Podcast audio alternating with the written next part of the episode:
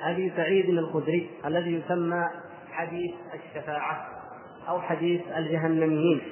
الحديث الطويل روى كل رواه أبو هريرة ورواه أبو سعيد رضي الله تعالى عنهما. آه، أخرجه آه، البخاري ومسلم.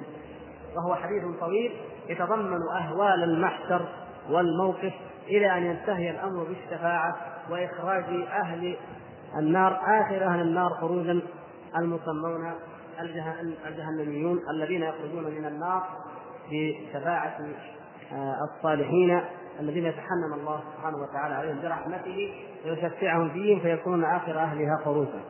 يعني تضمن المحشر من أوله والصراط ودخول أهل الجنة الجنة وأهل النار النار إلى الشفاعة. حديث طويل يسمى حديث الشفاعة أو حديث الجهنميين.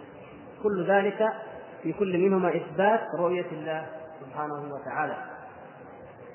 وأيضا جرير بن عبد الله البجلي هذا الحديث أيضا في الصحيحين قال كنا جلوسا عند النبي صلى الله عليه وسلم فنظر إلى القمر ليلة أربع عشر. كان القمر في ليلة أربع عشره وكان أصحاب النبي صلى الله عليه وسلم جلوسا عنده فقال لهم الرسول صلى الله عليه وسلم إنكم سترون ربكم عيانا كما ترون هذا القمر كما ترون هذا القمر هم أفهم الناس وأعلم الناس. وهذا هذه الإشارة وهذا الخطاب يفهمه البدوي والأمي الساذج لأنه كلام واضح وبالإشارة إلى أمر واضح جلي كما ترون هذا القمر. فليس هناك أي لب يستدعي أو يجعل للتأويل أدنى شبهة من التأويل أو من تحريف المعنى. ابدا. قال إنكم سترون ربكم عيانا كما ترون هذا القمر لا تضامون في رؤيته. ليس هناك لا ضيق ولا أدنى حجاب يحول بينكم وبين رؤيته سبحانه وتعالى. وحديث صهيب المتقدم وهو حديث إيش؟ الزيادة الذي سبق قلنا قرأناه في الحلقة الماضية وأنه تفسير لقول الله سبحانه وتعالى للذين أحسنوا الحسنى وزيادة وهو أنه أن الله سبحانه وتعالى بعد أن يدخل أهل الجنة الجنة يسألهم سبحانه وتعالى فيقول إن يا أهل الجنة إن لكم عند الله موعدا يريد أن ينجزكموه فيقولون يا ربي وما هو؟ ألم تثقل موازيننا؟ ألم تبيض وجوهنا؟ ألم تدخلنا الجنة؟ فيقول الله سبحانه وتعالى آه هذا الموعد يكون يكشف الحجاب يكشف الله سبحانه وتعالى الحجاب فيكون ما يحصل لهم من رؤية وجهه سبحانه وتعالى أعظم من كل النعيم الذي رأوه والذي ذاقوه من قبل. ويقول النبي صلى الله عليه وسلم وهي الزيادة. هذه هي الزيادة في قوله تعالى للذين أحسنوا الحسنى وزيادة. ولا يرهق وجوههم خطر ولا ذل كما قال الحسن البصري في قوله تعالى وجوه يومئذ ناظرة إلى ربها ناظرة. تنظرت تنظرت الوجوه بالنظر إلى ربها سبحانه وتعالى. وهنالك نفى الله تعالى عنها القسر ونفى عنها الذلة بالنظر إلى وجهه الكريم سبحانه وتعالى. لما تحصل لها أيضا هذه الزيادة هذه الزيادة العظيمة هي أعظم نعيم. فلا يحصل بعده لوجوههم قصر ولا ذلة أبدا. وحديث عدي بن حاتم هذا الحديث الذي أخرجه الإمام البخاري كما ترون ليس فيه دلالة واضحة على الرؤية أرجو أن تنتبهوا جيدا للحديث. ننتبه نتأمل اللفظ يقول النبي صلى الله عليه وسلم وليلقين الله أحدكم يوم القيامة وليس بينه وبينه حجاب ولا ترجمان يترجم له. فيقول ألم أبعث إليك رسولا فيبلغك؟ فيقول بلى يا رب. فيقول ألم أعطك مالا وأفضل عليك؟ فيقول بلى يا رب. أخرجه البخاري في صحيحه. طبعا الشاهد منه هو قوله ليس بينه وبينه حجاب. لكن يأتي الإشكال كما تلاحظون إن دققتم في الحديث أنه قال ألم أبعث إليك رسولا؟ فيبلغك ألم أعطك مالا وأفضل عليك؟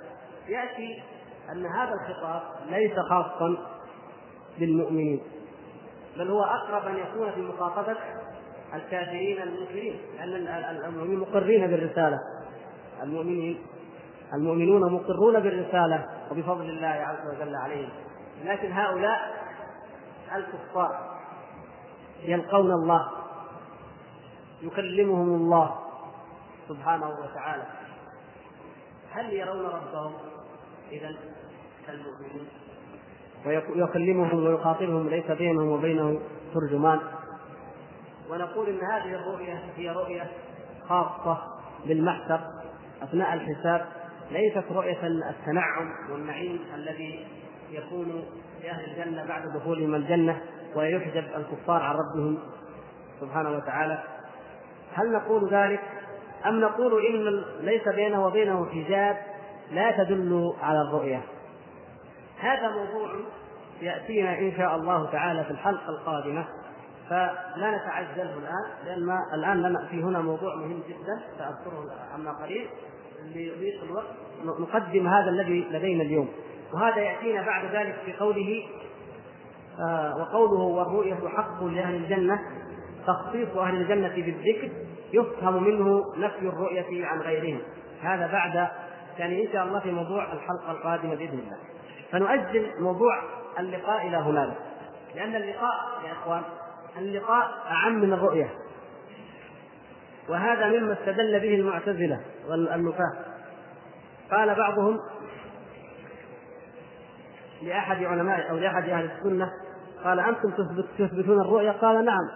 قال فما تفعل بقول الله سبحانه وتعالى فأعقبهم نفاقا في قلوبهم إلى يوم يلقونه. هؤلاء المنافقون نفاقا أكبر.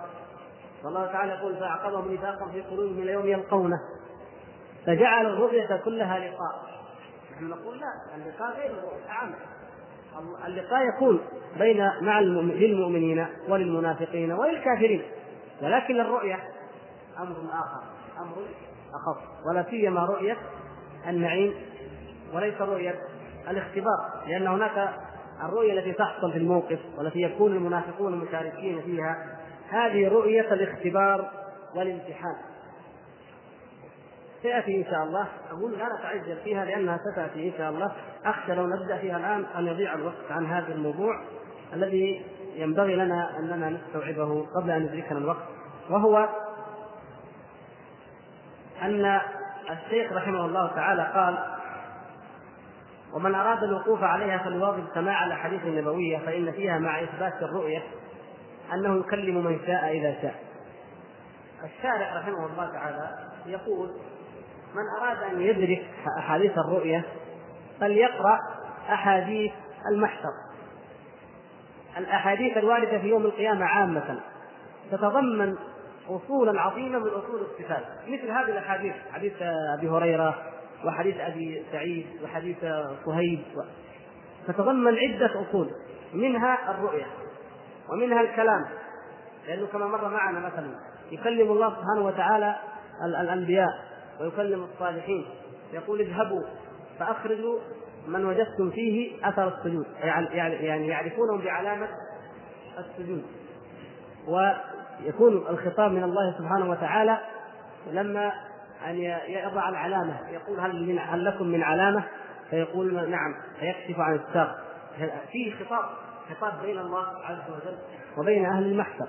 إذا فيها إثبات الرؤية فيها إثبات الكلام أن يكلم من شاء بما شاء. فيها إثبات الإتيان أنه يأتي للفصل يوم القيامة المجيء والإتيان. وجاء ربك والملك صفا صفا فأنه يأتي أيضا لأن هذا يكون في المحشر ويكلمهم ويأتي إلى المحشر سبحانه وتعالى بكيفية لا نعلمها. وفيها إثبات العلو أنه فوق العالم كما قال سبحانه وتعالى ويحمل عرش ربك فوقهم يومئذ ثمانية فسبحان الله يعني أحاديث المحشر تثبت هذه الأصول من أصول الصفات جميعا في وقت واحد. أي حديث من هذه الأحاديث التي مرت معنا نقرأ نجد يثبت هذه الأمور كلها التي أنكرها وكابر فيها أهل البدع. ثم قال كلمة مهمة. قال وأنه يناديهم بصوت يسمعه من بعد كما يسمعه من قرب. يسمعه من بعد كما يسمعه من قرأ كلام صحيح ولا غبار عليه. لكن الذي عنده منكم طبعة الشيخ شعيب الأرناؤوط سيجد على ذلك تعليقا طويلا. يقول فيه الشيخ الأرناؤوط بعد أن ذكر الروايات قال ولم يثبت صفة الصوت في كلام الله عز وجل أو في حديث صحيح عن النبي صلى الله عليه وسلم غير حديثه. يعني غير هذا الحديث الذي هو رواه البخاري كما قال تعليقا بصيغة التمريض. وليس بها ضرورة إلى إثباته. الشيخ شعيب يقول لم يثبت في إثبات صفة الصوت لله عز وجل إلا هذا الحديث الذي رواه البخاري بصيغة التمريض فينادي بصوت يسمعه من بعد كما يسمعه من قرب يقول هذا ما رواه البخاري جزما وإسنادا. هذا هذا قضية. القضية الثانية ليس بنا ضرورة ليس بنا ضرورة إلى إثباته. ما في ضرورة نثبت أن الله سبحانه وتعالى يتكلم بصوت ولأن هذا الشرح قد يلتبس على بعض الناس ولأن المسألة أهم من قضية أن أن إنسان أخطأ أو انتهز أو علق تعليق خطأ. أحببت أن أنقل إليكم كلام شيخ الإسلام ابن تيمية رحمه الله تعالى. في الجزء السادس من مجموع الفتاوى من صفحة 513 فما بعد رد شيخ الإسلام ابن تيمية رحمه الله على هذا الكلام بنفسه على هذا الزعم بنفسه نفس هذا الزعم وهو نفي أن الله سبحانه وتعالى يتكلم بصوت نفي الصوت عن الله سبحانه وتعالى. ومما قاله شيخ الإسلام أقرأه عليكم يقول في الجزء السادس هذا بالضبط صفحة 527 الموضوع يبتدي يعني كلام شيخ الإسلام عن حديث الصوت هذا في صحيح البخاري يبتدي من صفحة 513 لكن الكلام اللي أنا أقرأه الآن في صفحة 527 يقول وليس في الأئمة وليس في الأئمة والسلف من قال إن الله لا يتكلم بصوت. لاحظتم؟ لا يوجد أحد من الأئمة ولا من السلف قال إن الله لا يتكلم بصوت. بل قد ثبت عن غير واحد من السلف والأئمة أن الله يتكلم بصوت وجاء ذلك في آثار مشهورة عن السلف والأئمة وكان السلف والأئمة يذكرون الآثار التي فيها ذكر تكلم الله بالصوت ولا ينكرها منهم أحد. حتى قال عبد الله بن أحمد قلت لأبي إن قوما يقولون إن الله لا يتكلم بصوت. فقال يا بني هؤلاء جهمية. قال يا بني الإمام أحمد قال يا بني هؤلاء جهمية. إنما يدورون على التعطيل. ثم ذكر بعض الآثار المروية في ذلك. أي ثم ذكر عبد الله بن أحمد عن أبيه بعض الآثار في ذلك وهي موجودة في كتاب السنة لعبد الله بن أحمد. ثم ذكر شيخ الإسلام مصدرا آخر. قال شيخ الإسلام بعد أن ذكر هذا المصدر الأول وهو كتاب السنة لعبد الله بن أحمد قال مصدر آخر وذكر ذلك من؟ البخاري الإمام البخاري في كتابه خلق أفعال العباد. وذكر أيضا أن البخاري ترجم لذلك في الصحيح الذي أنكره أو نفاه الشيخ الأرناؤوط هنا. قال وليس من طوائف المسلمين من أنكر أن الله يتكلم بصوت إلا ابن كلاب ومن اتبعه. يعني الأشعرية. هم الذين أنكروا ذلك. ابن كلاب ومن اتبعه فنخشى أن يكون الشيخ هنا قد اتبع ابن كلاب في هذه القضية. يقول شيخ الإسلام أيضا قول القائل إن الله لا يتكلم بصوت ونحو ذلك كلام لم يقله أحد من سلف الأمة وأئمتها وليس فيه حديث لا صحيح ولا ضعيف. لم يأتي في نفي الصوت حديث لا صحيح ولا ضعيف مبتدع. وأما الإثبات يعني إثبات أن الله تعالى يتكلم بصوت ففيه عدة أحاديث في الصحاح والمسانيد وآثار كثيرة في الصحاح والسنن والمسانيد وآثار كثيرة عن السلف والأئمة. ثم استدل بأدلة أخرى. يعني استدل شيخ الإسلام أيضا بأدلة أخرى في نفس الجزء. منها أولا ما جاء في القرآن من آيات مناداة الله تعالى للمشركين. وناداهم ويوم يناديهم ويوم يحشرهم فيناديهم. وما أشبه ذلك كثير في القرآن. فيقول شيخ الإسلام إن المناجاة مسموع الذي يسمعه المخاطب. غير كذا لا يمكن أن يتصور ناداه فلان بدون أن يسمع أو بدون أن يخرج منه صوت يعني بدون أن يتكلم. هذا شيء لا يمكن. فالمناداة إنما هي؟ بالصوت بالكلام. الأمر الثاني تكلم الله تعالى لموسى. إذا كان النداء والكلام بدون صوت فما الفرق بين كلام الله سبحانه وتعالى لموسى عليه السلام وبين وحيه إلى أي نبي من الأنبياء عن طريق الإلهام؟ أن يلهمه الله في قلبه يمكن أن يلهمه في قلبه كما هو في الآية وما كان لبشر أن يكلمه الله إلا وحيا. أو من وراء حجاب. يعني أحد الحالتين الوحي أو من وراء حجاب أو يرسل رسول إرسال الرسول شيء اخر نحن نتكلم عن إيش؟ عن الوحي المباشر، الوحي المباشر يكون بماذا؟ بالوحي الإلقاء والإلهام إلى الرسول من دون سماع للصوت من الله سبحانه وتعالى. أو من وراء حجاب أي كلام وصوت من غير رؤية. هذا هو هذان هما النوعان من أنواع الوحي. فحصل لموسى عليه السلام أنه نودي بصوت من غير رؤية. فإذا قلنا لا ما في صوت.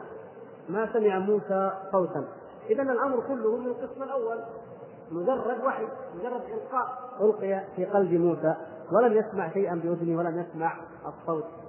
وهذا مما يدل على بطلان هذا الكلام. الذي تكلم به الشيخ غفر الله له. وأيضا يقول إن السلف يقول شيخ الإسلام إن السلف آه المفسرين من السلف اتفقوا على أن الله سبحانه وتعالى كلم موسى بصوت. وأيضا من الأدلة ما جاء في قول الله تبارك وتعالى حتى إذا فزع عن قلوبهم. أنا هذا الحقيقة ما ذكرته هنا الآن تذكرته. وما أدري هل يأتينا فيما بعد أو ربما لا يأتي. حتى إذا فزع عن قلوبهم قالوا ماذا قال ربكم؟ قال الحق وهو العلي الكبير. فأنا أكتبها الآن. لأن النبي صلى الله عليه وسلم في نفس هذا الحديث وهو حديث صحيح شبه سماع الصوت بماذا؟ كأنه سلسلة على صفوان. إن شاء الله نحقق الموضوع في هذا ونأتي به في الحلقة القادمة إن شاء الله.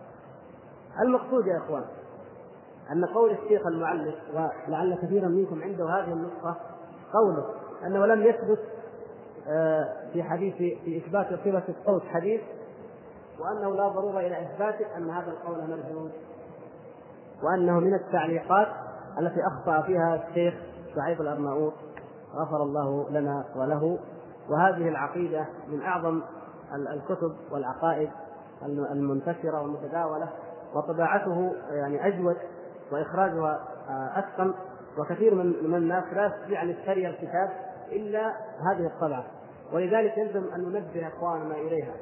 وهذا أحد المواضع وقد نبهنا على على ما قبله. وسيأتينا إن شاء الله أيضا مواضع أخرى. نرجو من الله سبحانه وتعالى أن تجمع جميعا. نعم. هذا يا إخوان صفحة 152 إلى 153 طبعة الشيخ سعيد الأرناؤوط. الطبعة الأولى 1401 الإخوان الذين عندهم طبعة الشيخ ناصر الدين الألباني طبعا ليس فيها هذا الكلام. فإذا يجب ينبغي لنا أننا آه، نصحح هذا الخطأ من ناحية من الناحية الأخرى أننا آه، لا نأخذ كلام كل معلق أو كلام كل محقق على على على عواهيه وهذا النقل الذي نقلناه عن شيخ الإسلام ابن تيمية في آخر الجزء السادس جدير بكم أن تقرؤوه لأنه فصل في هذه المسألة في مسألة الكلام وفي مسألة الصوت أيضا. قال وأنه يتجلى لعباده يوم القيامة أيضا يتجلى لعباده سبحانه وتعالى. وأنه يضحك إلى غير ذلك من الصفات التي سماعها على الجهمية بمنزلة الصواعق. يقول أو الشاهد نرجع للأصل الشاهد من الكلام.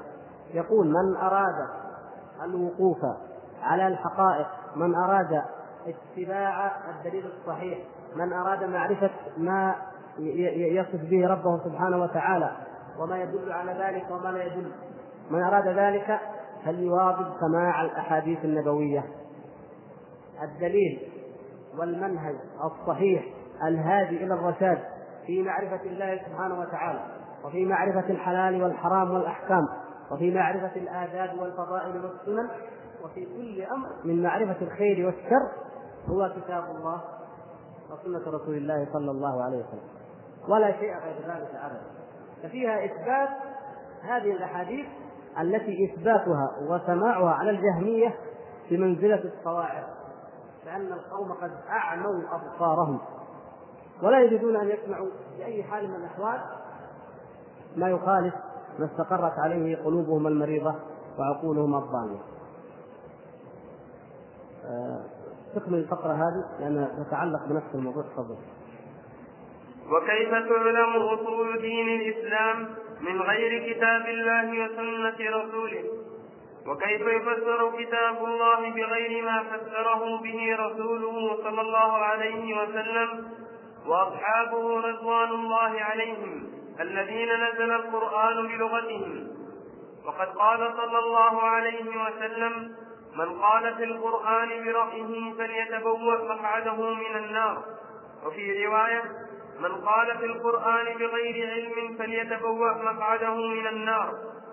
وسئل أبو بكر رضي الله عنه عن قوله تعالى وفاكهة وأبا ما الأب فقال أي سماء تظلني أي سماء تظلني وأي أرض تقلني إذا قلت في كتاب الله ما لا أعلم. اقرا عبد الله تعليق الشيخ ناصر على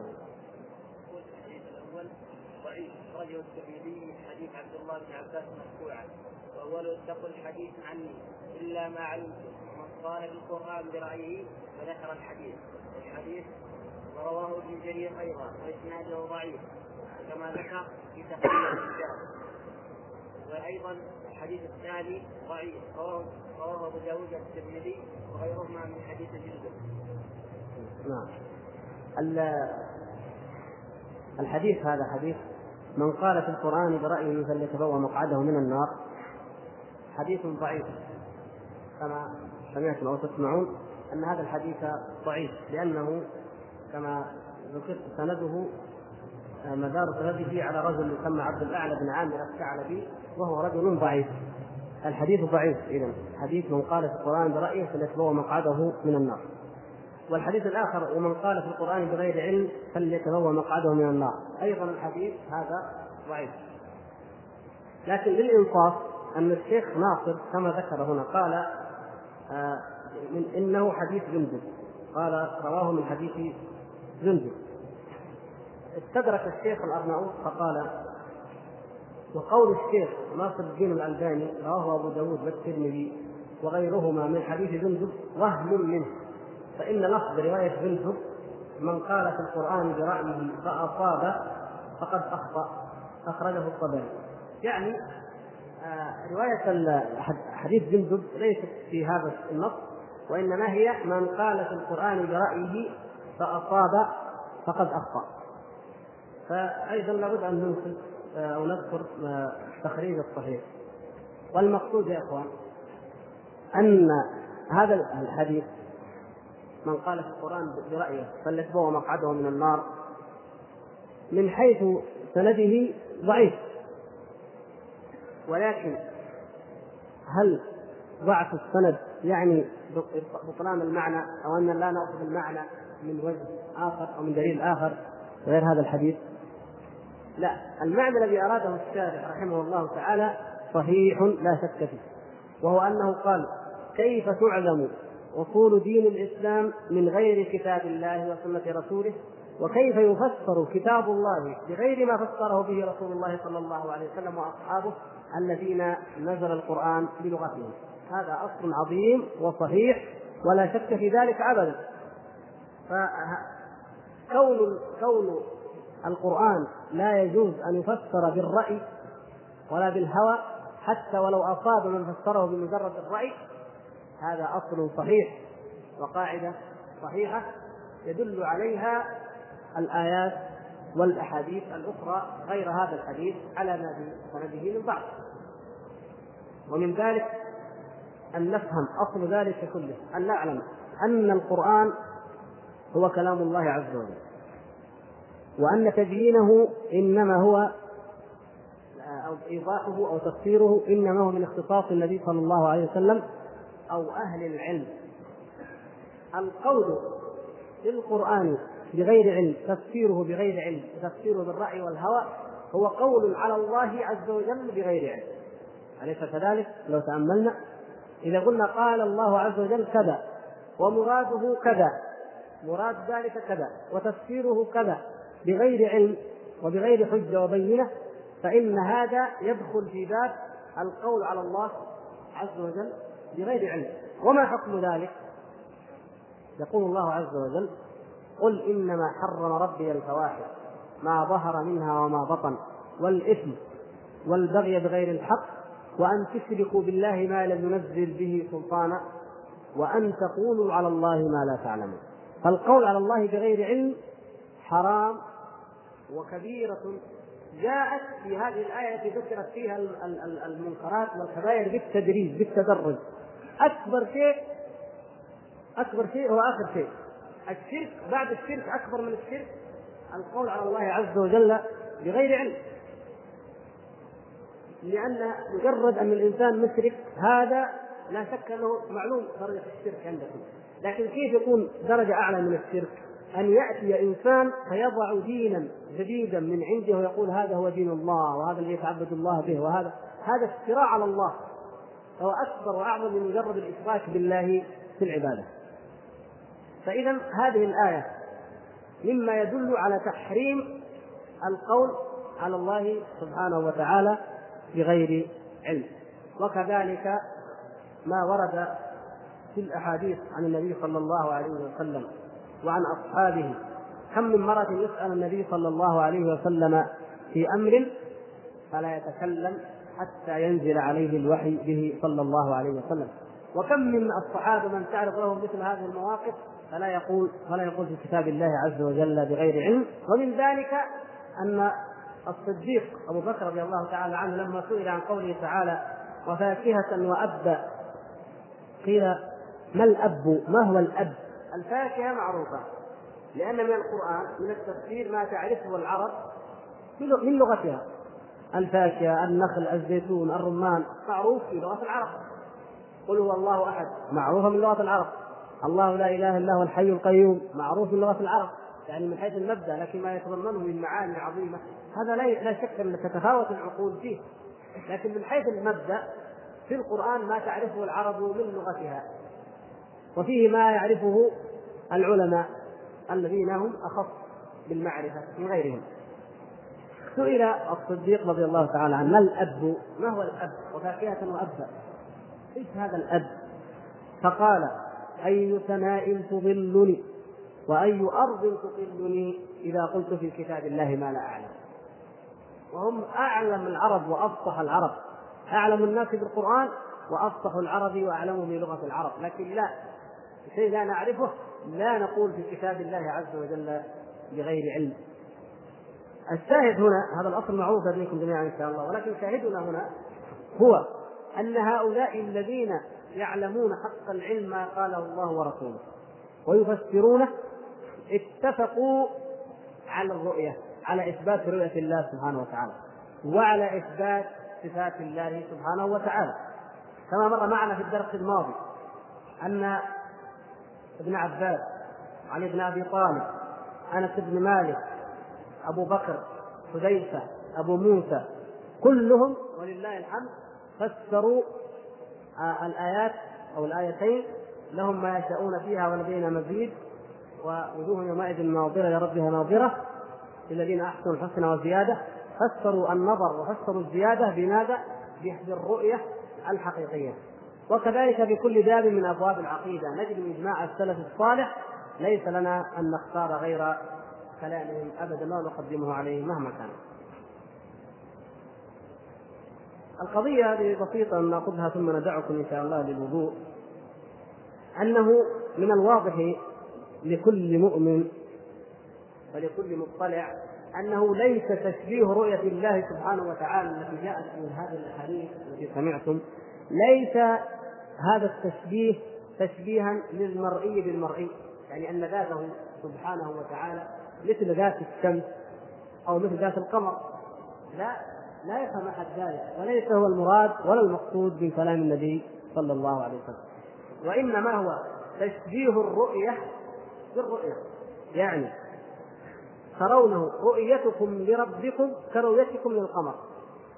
وليس ولم يقل إن ربكم ان ربكم كالشمس ليس كمثله شيء وهو السميع البصير. سبحانه وتعالى. ابدا. لكن ترونه كما ترونه كما ترون اذا رؤيتكم له كرؤيتكم لهذا يعني حقيقية مؤكدة قطعية ليس فيها شك ولا غيب ولا قصر ولا حجاب بأي شكل من الأشكال. ولكن فيه دليل على علو الله على خلقه. هذه نقطة مهمة جدا. كيف؟ النبي صلى الله عليه وسلم أشار إلى القمر وأشار إلى الشمس ومعلوم أنها في العلو فإذا في ذلك دليل على إثبات علو الله سبحانه وتعالى. طيب ماذا نقول في من يقولون إن الله يرى ولكن ينكرون علو الله وينكرون ما يسمونه الجهة ذكرناهم في الحلقة الماضية من يذكرهم منكم؟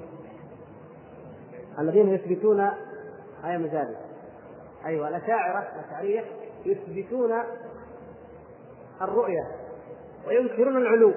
يقولون لا داخل العالم ولا خارجه ولا فوقه ولا تحته ولا يمينه ولا شماله ولا خلفه ولا أمامه. ينكرون جميع الجهات كما يسمونها. ويقولون يرى. ومع ذلك يقولون إنه يرى. فنقول لهم كما قال الشارح هنا من قال يرى لا في جهة من غير إثبات الجهة يعني من غير إثبات العلو نحن نقول بدون جهة من قال إن الله يرى ولكن ليس في العلو فليراجع عقله. فليراجع عقله. فإما أن يكون مكابرا لعقله إما أن يكون مكابرا لعقله أو في عقله شيء في عقله خلل. لأنه بلاش لا تنظر إلى أن الجهة في حق الخالق المرئي. دعنا من هذا. المخلوق الذي يرى أليس في جهة ما؟ هو في جهة ما ويرى يرى شيئا ما فلا بد أن يكون بالنسبة للمخلوق بالنسبة له هو أن يكون المرئي في جهة ما من الجهات لا بالنسبة لذات المرئي ولكن بالنسبة للرائي نفسه. أنت ترى الشيء يقول شفته على يمين شفته أمامي شفته على يساري شفته فوقي. بالنسبة لك أنت رأيته أمامي يعني أمامي أنا يمكن يكون خلف فلان. رأيته فوقي الكلام بالنسبة لي أنا. أتكلم عن رؤيتي أنا. رأيت فلان فوقي. ممكن يكون تحت واحد آخر فوقه ما يمنع. يعني بغض النظر عن هذا. تنزلا. مجادلة نقول دعوا ما يتعلق بإثبات العلو لله سبحانه وتعالى. وانظروا إلى حقيقة أنتم لما ترون. ألستم في جهة؟ ألستم ترون شيء؟ هذا الشيء لابد أن يكون في جهة ما منكم. وإلا انفوا الجهه عنكم وعنه يعني انفوا النسبة وهذا شيء غير معقول. العقل لا يتخيل رؤية ولا يتخيل موجودين إلا بنسبة إلا بوجود نسبة بينهما من حيث النسبة المكانية. فهذا إن شاء الله سبحانه وتعالى نكمل الكلام فيه في الحلقة القادمة أن المعتزلة ردوا على الأشعرية في هذه في هذا المقام. نسأل الله سبحانه وتعالى أن يتقبل منا ومنكم وأن يغفر لنا ولكم وأن يلهمنا الصواب والرشد في الأمر كله. إنه سميع مجيب. وبعد الصلاة بعد الصلاة إن شاء الله نجيب على الأسئلة. هذه أسئلتكم. بارك الله فيكم.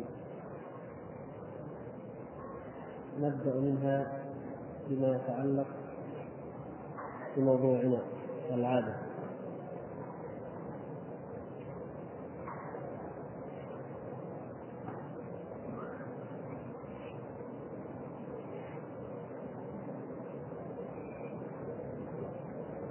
الأخ يقول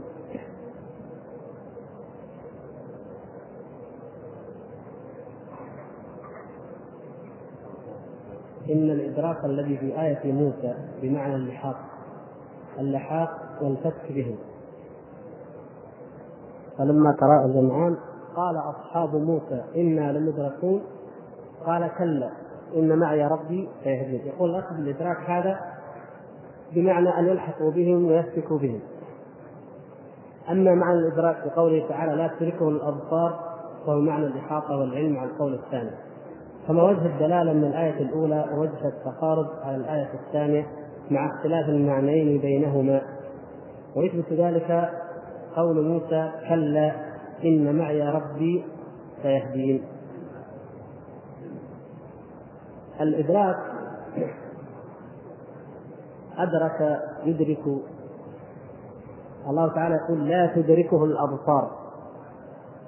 الفعل اسم الفاعل هذا الفعل يدركه لا تدركه فعل مضارع. اسم الفاعل إذا ركبناه من هذا الفعل المضارع نقول مدرك. واسم المفعول مدرك. فلا آه إنا لمدركون يعني يدركوننا. الكلمة واحدة والاشتقاق واحد. وإن اختلف المعنى من حيث معنى حسي ومعنى معنوي يعني في قوله إنا لمدركون إدراك حسي بمعنى يلحقونهم ويسكتون بهم ويقتلونهم. نعم هذا إدراك حسي. لكن الإدراك أيضا يكون في الأمور المعنوية. كما تقول إذا تكلم معك إنسان تقول أنا ما أدركت حقيقة قولك أنا ما أدركت كلامك فما في تعارض الكلمة واحدة. المهم أنها آه، هنا جاءت لشيء محسوس وهنا جاءت لشيء غير محسوس أو شيء معنوي. ليس هذا تعارض ليس المعنيين متعارضين ليس معنيين متعارضين وإنما هما معنيان لكلمة واحدة. وليس هناك اختلاف ولا تعارض بينهما إن شاء الله.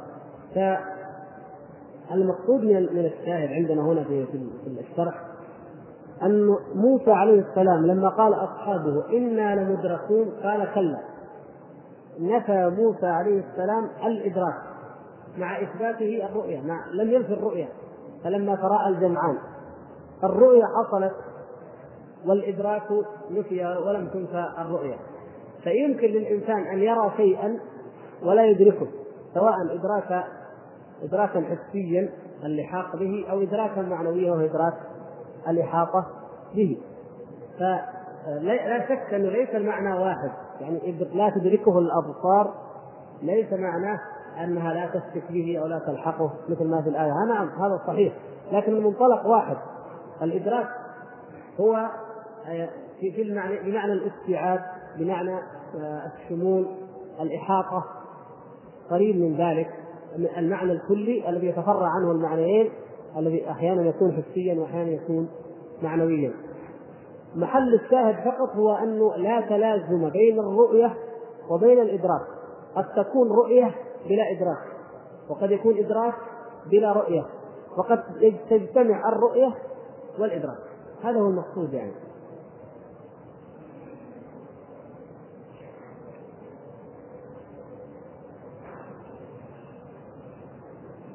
يقول ذكرت في أثناء كلامك ما جاء على لسان الله وعلى لسان رسوله ثم تداركت وقلت الصحيح. وهذا تؤكد على على ذلك لئلا يفهم أنك تقول بالأول. يعني يقول ما جاء في كتاب الله وعلى لسان رسوله صلى الله عليه وسلم. نعم فلما سبق اللسان بأن قلت على لسان الله قلت ما جاء في كتاب الله وعلى لسان رسول الله صلى الله عليه وسلم. أو نقول ما قال الله في كتابه وعلى لسان رسوله صلى الله عليه وسلم. لأن اللسان ليس من صفات الله عز وجل. ونحن لا نثبت لله إلا ما أثبت لنفسه سبحانه وتعالى.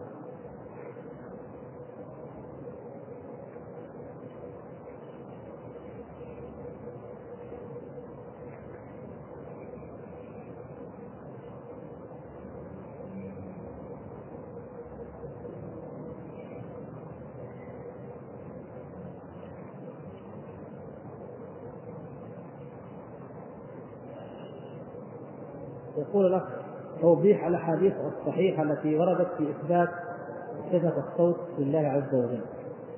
هذا الحديث نفسه الذي رواه البخاري فيناديهم بصوت يسمعه من بعد كما يسمعه من قرب وذكرت أنا جملة أحاديث التي نقلتها عن شيخ الإسلام ابن تيمية جملة أدلة اقصد يعني مثلا قول الله سبحانه وتعالى في وكلمه ربه لموسى.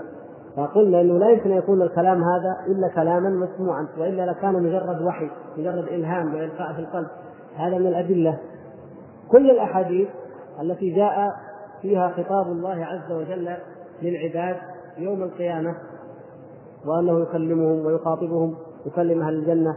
كما في نفس الأحاديث هذه حديث الرؤيا يكلمهم. إن لكم عندهم موعد. يكلم أهل النار يكلم أهل المحشر يكلم الأنبياء ويكلمونه. كل هذه مما يدل على أن الله سبحانه وتعالى يتكلم بصوت مسموع يسمعه من يكون مقصودا أن يسمعه من يريد الله سبحانه وتعالى أن يسمع ذلك. والكيفية كيفية ذلك مجهولة لنا لا نعلمها الآن. لا نعلم ذلك في هذه الحياة الدنيا لأننا لم نسمع. لكن هل عدم علمنا وهل عدم سماعنا يجعلنا ننفي؟ نقول ليس لا يتكلم بصوت. هل عدم قدرة عقولنا وعدم إدراك عقولنا لكيفية صوت الله سبحانه وتعالى وسماعه تجعلنا نصف الله عز وجل بأنه أبكم تعالى الله عن ذلك علوا كبيرا. أنه أطرش لا يذكر لا يتكلم. لا يمكن هذا. المقصود أن الإثبات حاصل بآيات وبأحاديث وكما ذكر شيخ الإسلام ابن تيمية إجماع مفسري السلف. فأنا احلت للموضع في آخر الجزء السادس من مجموعه فتاوى إذا أراد الأخ أن يستجيب فليستجيب هناك من إيضاح لهذه الأدلة التي ذكرتها مجمله.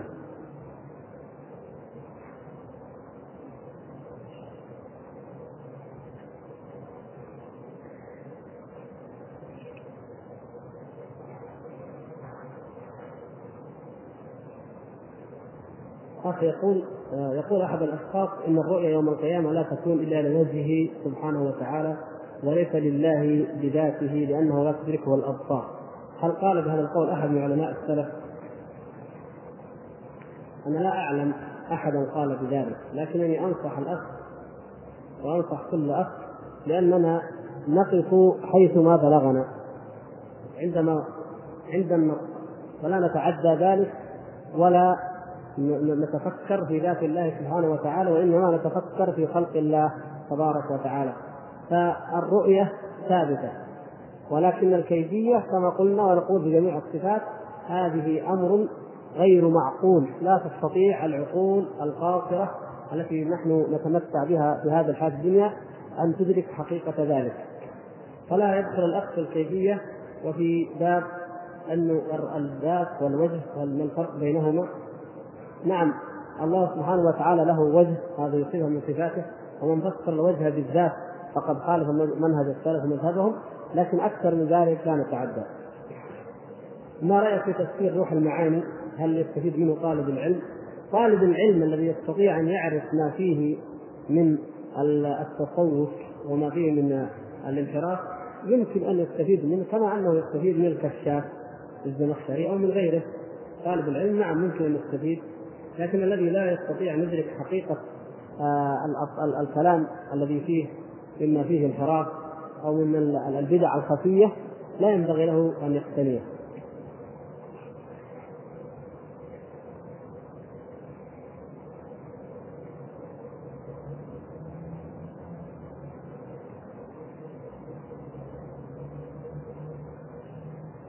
هذا موضوع قد سبق لكن ما معنى قوله تعالى ما يأتيهم من ذكر من ربهم محدث؟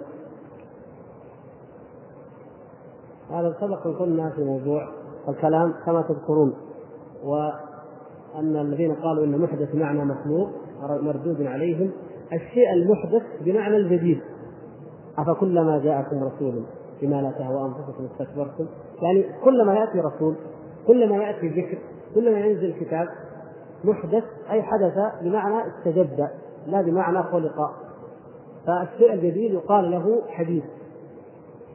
نحن الآن نقول لك العصر الحديث يعني العصر الجديد الذي هو آخر أو أحدث أو أجد مثلا من العصور وهكذا. فالحديث بمعنى الشيء الجديد غير الذي سبقه كلما استجد الذكر كلما استجد لهم ذكر أو كتاب أو رسول كلما أيضا كذبوا ذلك الرسول أو ذلك الذكر.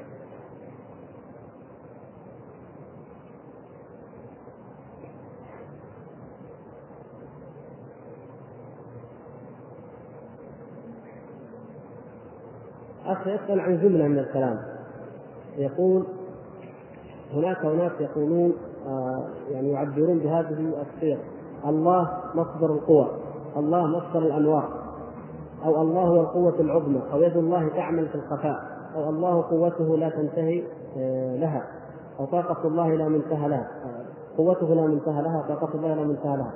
أو قول القائل هذا العمل في إمكان الله تعالى. الكلام هذا منه حق ومنه باطل. ولكي نريح أنفسنا لا نصف الله عز وجل إلا بما ورد. بمعنى آخر عندما نريد أن نتكلم عن الله عز وجل لا نستخدم التعبيرات الانشائيه أو الصحفية الدارجة على ألسنة الناس. فان هذا من لا شك أنه ما مهما الإنسان أكثر من هذا النقد من هذا الكلام الانشائي فإنه لابد أن يقع في أن يسقط في الخطأ. لأن هذه التعبيرات تدرج وتقال في حق المخلوقين وتستخدم فإذا أتى الإنسان واستخدمها في حق الله عز وجل ذلك مثل ذلك الكفر. فيأتي الذي يدعو الذي يريد أن يسمع الإسلام من الأمريكان أو الإنجليز أو غيرهم. يسمع داعيين. كل منهما يدعو للإسلام. ما الذي أدراه أن هذا قادياني كافر لا يمثل الإسلام وأن هذا سني يدعوه إلى الاسلام الحقيقي؟ ولهذا يدخل هؤلاء الناس يدخلون في دين القاديانية ويدخلون في دين الإسلام. منهم يدخل هنا ومنهم يدخل هنا. ولا يفرقون. فكيف نقول ما دام مسلم وداعي للإسلام نسكت عنه نخليه يدعو كما يشاء؟ وحتى البدع التي أقل من التي هي أقل من ذلك. لا نترك لهم المجال. كيف؟ إذا نحن جئنا إلى إنسان لا يؤمن بصفات الله عز وجل. حتى لو كان يعبده لكن يقول هو في كل مكان ولا داخل العالم ولا خارجه. لا لا يثبت له ما أثبت لنفسه من الصفات لا اليد ولا النزول ولا كذا ولا مما يفعل. المسلم الذي أمه وأبوه اجداده مسلمين بين أيدينا يعتقد هذا الكلام يجب علينا أن ندعوه إلى العقيده الصحيحة.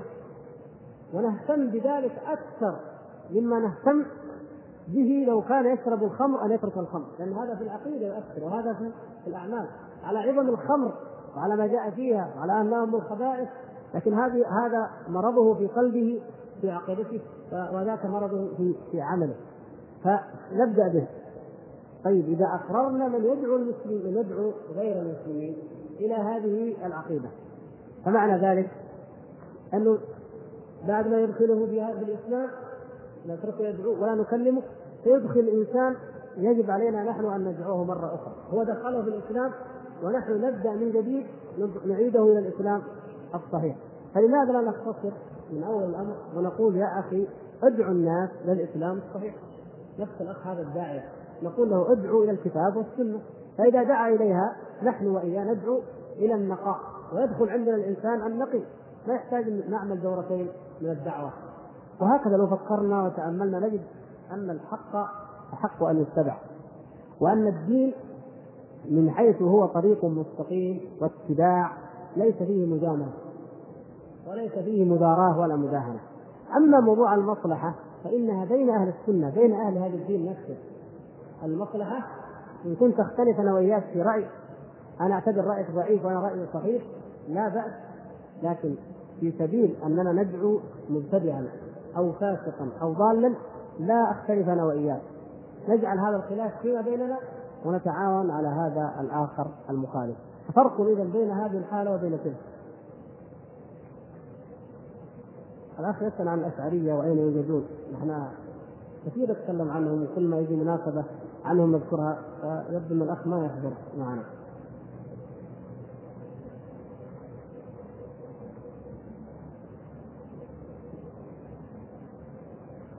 أيضا بعض الإخوة سألوا عن الدجال وعن المهدي نعتذر عن الإجابة عن هذا.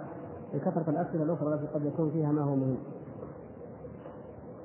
هذا جاب ذكر حديث أبي سعيد الخدري الطويل الذي قلنا حديث الشفاعه وحديث الجهنميين يقول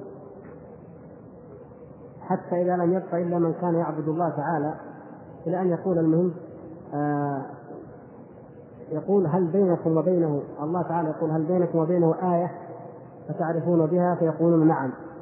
فيكشف عن ساق فلا يبقى من كان يسجد لله من تلقاء نفسه إلا أذن الله له بالسجود. يعني المحشر حديث طويل.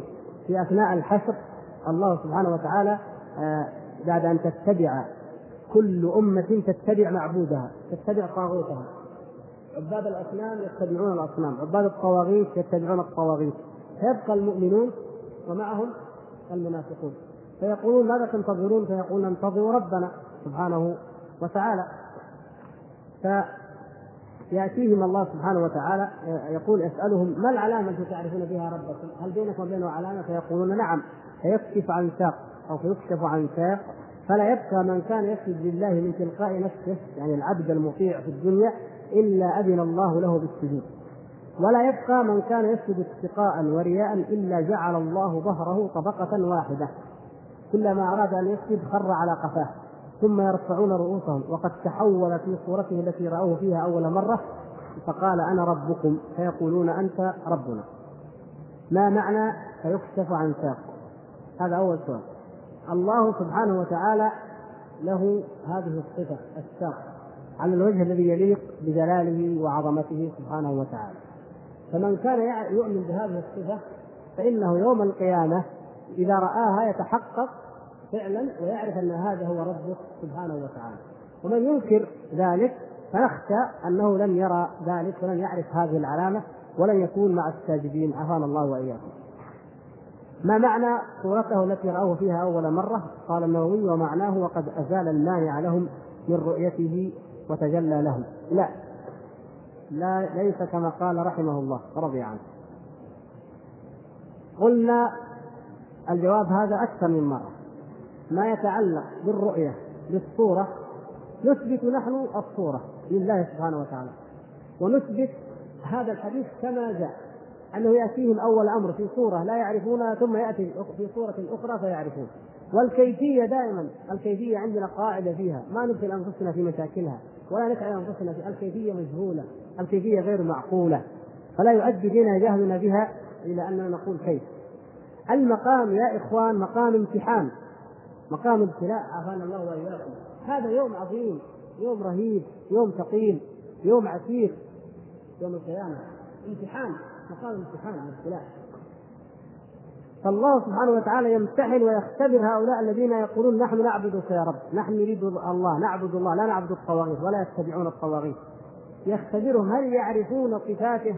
سبحانه وتعالى أو لا يعرفونها فإذا رأوه في غير الصفة التي يعرفون لا يقول لا.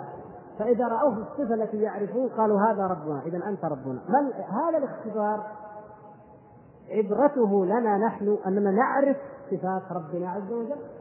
يجب أن نتعلم وأن نعلم صفات الله عز وجل. طيب إذا جاء الدجال وقال أنا ربكم الأعلى يا أرض أخرج الذهب أخرجت. يا سماء أمطري تمطر. يا فلان قم من القبر يقوم. اذا قل أنا ربكم الأعلى. يقول لا. ليس هذا ربنا. لماذا؟ لأن الدجال أعور. أعور. والله سبحانه وتعالى ليس بأعور. اذا عندنا شيء عندنا صفة عرفنا أن هذا ليس هو الله. كذاب ليس هذا ربنا. الذي لا يعرف صفات الله عز وجل ممكن يصدق. هذا هو ربنا. إيش الفرق؟ ما هو؟ لا بد لا بد لكل من دعا من من اتباعه حتى مهما كان الكذب حصل. لأن الجهل يتفكر لأن البصيرة تعمى لأن العلم يقل. من يعرف صفات الله عز وجل لا يمكن أن يصدق الدجال. لكن من لا يعرف صفة الله؟ يصدق. يوجد من الأقطاب من كان يقول سبحاني سبحاني ما أعظم شأني. والعياذ بالله. ما بالجبة إلا الله. وصدقوه ونقلوا كلامه. سبحان الله. طيب كيف نعرف إنه هذا كذاب مفتري دجال وليس هو رب العالمين؟ لماذا؟ لماذا؟ بمعرفة صفات الله. إذا عرفنا أن الله سبحانه وتعالى فوق عرشه سبحانه وتعالى وأن العالم كله كل مخلوقاته بالنسبة له سبحانه وتعالى كالخردلة في يد أي أي إنسان. وسبحانه وتعالى له المثل الأعلى. إذا عرفنا ذلك ما يمكن نصدق أنه هذا المخلوق البشر الضعيف الذي ينام ويقوم هو الله أو أنه هو الإله. لا يمكن أبدا. لكن هذا الكلام يمشي على من لا يعرف صفات الله. عز وجل. فهذا يا إخوان ناخذ العبرة من أنه يجب أن نعرف صفات الله. يجب أن نقرأ القرآن وأن نتعلم السنة لنعرف ربنا عز وجل ونعبد ربا نعرفه ونعرف صفاته سبحانه وتعالى. كيف يتم التوفيق بين هذا وبين قوله عز وجل كلا إنهم عن ربهم يومئذ لمحجوبون؟ حيث أنه في ذلك المكان المسلم والمنافق. وبعدين يقول قال ابن كثير في تفسير قوله تعالى يوم يصف عن ساق وإذا تجلى الرب عز وجل فيسجد له المؤمنون ولا يستطيع أحد من الكافرين والمنافقين. نعم آه قلنا قبل الصلاة إن موضوع اللقاء لقاء الله عز وجل غير موضوع الرؤية وهناك فرق بين لقاء الله وبين رؤية الله وهناك فرق بين رؤية الامتحان رؤية الامتحان التي في الموقف هذه رؤية إيش؟ امتحان لأهل الموقف. يبين الله عز وجل يزلزلهم يظهر المنافق من المؤمن الصادق. وبين رؤية الإكرام ورؤية النعيم وهي التي في في الجنة. هذا الكلام نكتفي به الآن. وفي الحلقة القادمة إن شاء الله نوضح حقيقة الرؤية وهل يراها الكفار في المحشر أو لا وما معنى لقاء الله إن شاء الله. لكن الآن مبدئيا نعرف ونعلم أنه في أثناء المحشر هذا امتحان من الله عز وجل. يمتحن العباد حينما يتبع كل أناس ربهم ومعبودهم ويبقى المؤمنون ومعهم المنافقون فيمتحنهم الله ليطهر المؤمنين ومن من من مخالطة المنافقين لهم. هذا موقف امتحان. الموقف الآخر موقف الإكرام رؤية الإكرام والنعيم هذه خاصة بأهل الجنة ومكانها متى أو زمانها بعد أن يدخل أهل الجنة في الجنة. فهذا موقف وهذا موقف آخر. وجزاه الله خيرا هذا الأخ. دليل على فهمه إن شاء الله. وأيضا خطه جميل ولغته سليمة وهذه توقف كثير من الإخوان الذين يكتبون إلينا بأسئلة.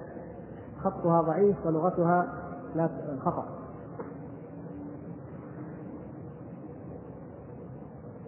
نفس الشيء الأخ يقول الحديث الذي أخرجه البخاري لأنه ليس فيه استدلال على الرؤية. فماذا يدل قوله صلى الله عليه وسلم وليلقين الله أحدكم؟ يقصد الأخ حديث عدي بن حاتم الذي مر معنا.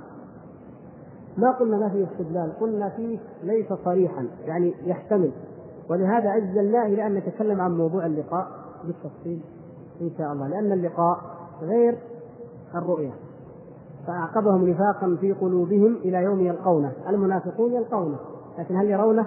هذا شيء وهذا شيء آخر. الصلاة خلف أهل البدع. تكرر سؤالكم عنها أكثر من أخ. الصلاة خلف أهل البدع. لا لا يجوز لك أن تتعمد أن تصلي خلف أهل البدع. وإذا وجد غيرهم فلتذهب وتصلي إليه. لكن إذا وقعت الصلاة إذا وقعت خلف مبتدع فإنها صحيحة صلاتك صحيحة إن شاء الله. ولو أن أحدا خالف وكان من لديه إمام سني وإمام بدعي وذهب إلى وصلى خلف البدعي الذي بدعته لا تخرجه من الملة طبعا الكلام كله في هذا. لو خالف الصلاة تصح ولكن يأتم بذهاب صلاته خلف أهل البدع. يعني فرق بين الصحة وبين الجواز. لا يجوز أن تصلي خلف البدع لكن الصلاة خلفه صحيحة إلا إذا كانت بدعته تخرج من الملة كمن يشرك بالله ويستغيث بغير الله والعياذ بالله أو شيء من من من الفرق الكافره الخارجه من الملة.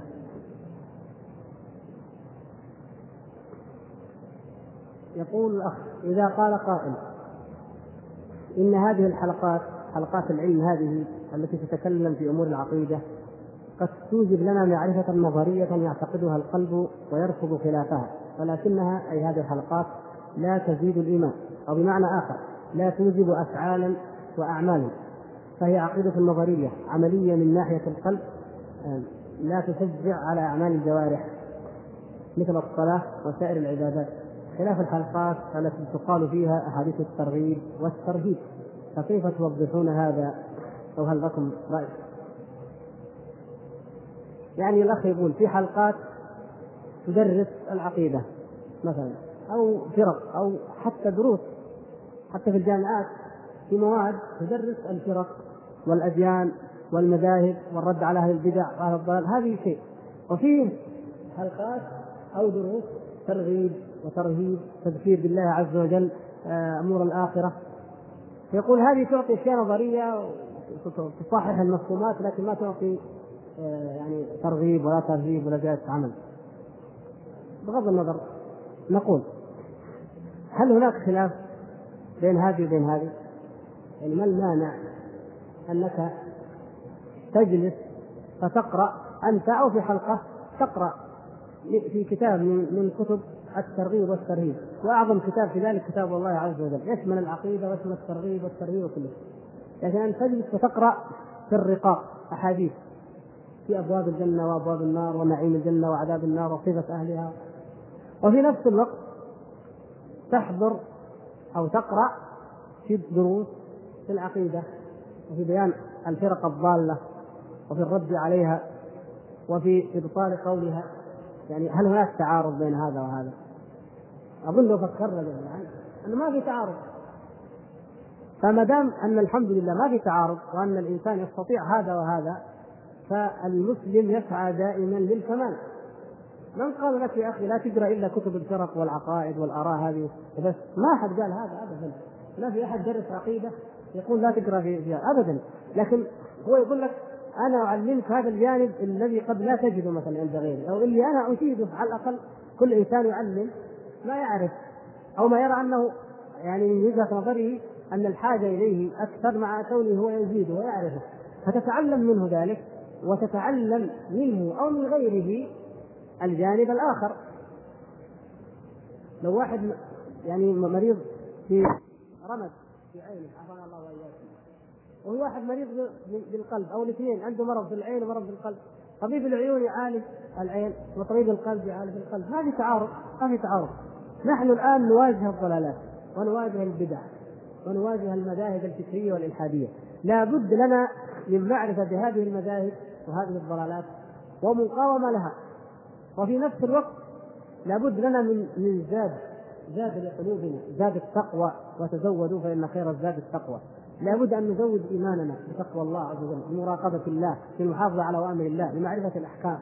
كل ذلك نزود قلوبنا به. ونعرف أيضا كيف نحارب عدونا. إذا جينا نحارب الأعداء ونحن مرضى المريض ما يحارب العدو. هذا لا شك فيه. ولو كان عنده سلاح لكن المريض ما يحارب. لكن في نفس الوقت لو جيت تحارب العدو وأنت سليم الجسم لكن ما عندك مقاومة له فإنك لا تدري من أين يأتيك وكيف يقتلك.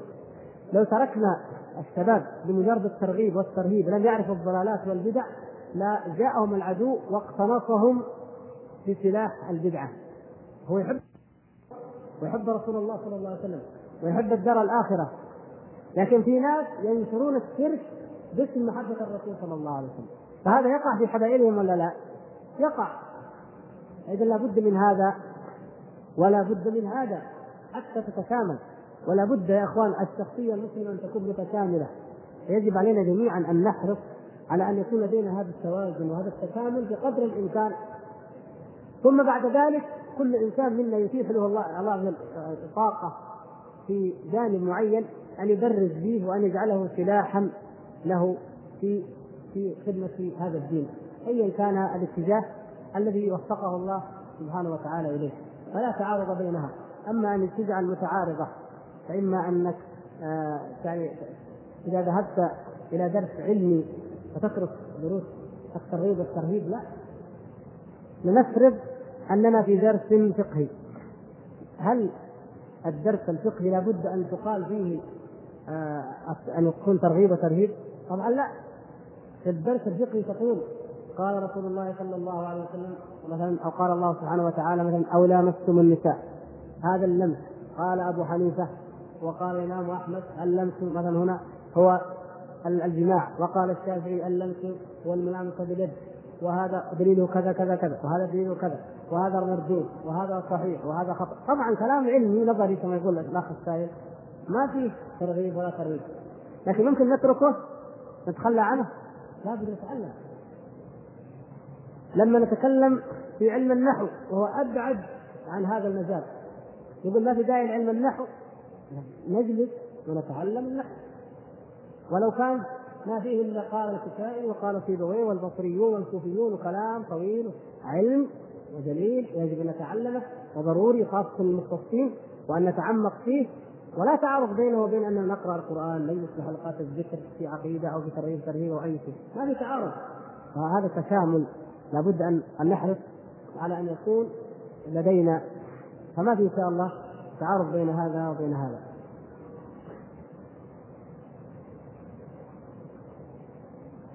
أخ يقول قد يقول قائل على هذا بعد هذا الكلام إنه يمكن أن يشترك ناس مع أهل السنة والجماعة والحلقات العلمية يعني حتى يعرف العقيدة ثم يذهب إلى غيرهم حتى أو المبتدعين حتى يحصل على الجانب الروحي. ما هو إذا عرف إذا عرف هذه من خلال العقيدة عرف إن هؤلاء مبتدعين معروف أن البدع لا يخالطون ولا يجالسون فكيف يذهب إليهم؟ لا ف... وبعدين هل نحن في حاجة لكي نقوي إيماننا يا إخوان لكي يزداد إيماننا لم يجعل الله عز وجل لنا سبيل إلا أن نخالط أهل البدع ما في سبحان الله. لا ابدا. ممكن الإنسان في في في جوف الليل وحده يقرأ القرآن يزيد ايمانه بقراءه القرآن بدون ما يخالط أحد لا من أهل السنة ولا من أهل البدع. وإذا بدا يتعلم يتعلم العلم الصحيح من أهل السنة. زيادة الإيمان بذكر الله والأذكار معروفه يذكر الله. زيادة الإيمان بالتفكر في ملكوت السماوات والأرض. وهذا ما هو حكر على أهل البدع. بل العكس. أهل البدع يضعفون الإيمان. يضعفون الإيمان. وإن رأيت الإنسان منهم يتعبد ويطيل لو كان يبكي ليلا ونهارا مخالطته تضعف الإيمان بلا شك وتذهب بهاء الإيمان. لأن القضية ليست مجرد أداء صوري شكلي في التعبد في الذكر. لو كانت كذلك لكان الذي إذا صلى إذا سلم بعد الصلاة ويقول سبحان الله ألف مرة والحمد لله ألف مرة والله أكبر ألف مرة ولا إله إلا الله ألف مرة أفضل وأكثر نورا وبهاء وإيمانا ممن يقول سبحان الله 33 والحمد لله 33 والله أكبر 33 ولا إله إلا الله مرة واحدة. لو كانت كذا هذا الذي يتبع سنة النبي صلى الله عليه وسلم هو الذي عليه النور. وهو الذي فيه يعمل حقيقة. وهو الذي يزيد إيمانه لأنه يقول العدد الذي جاء عن النبي صلى الله عليه وسلم. لكن يقول لا إحنا نخليها على ألف ألف. هل هذا زيادة في الإيمان؟ هذا والعياذ بالله إحباط للعمل. وهذا من الأخسرين أعمالا الذين ضل سعيهم في الحياة الدنيا وهم يحسبون أنهم يحسنون صنعا. ضرب الأذان. طيب. استودعكم الله السلام عليكم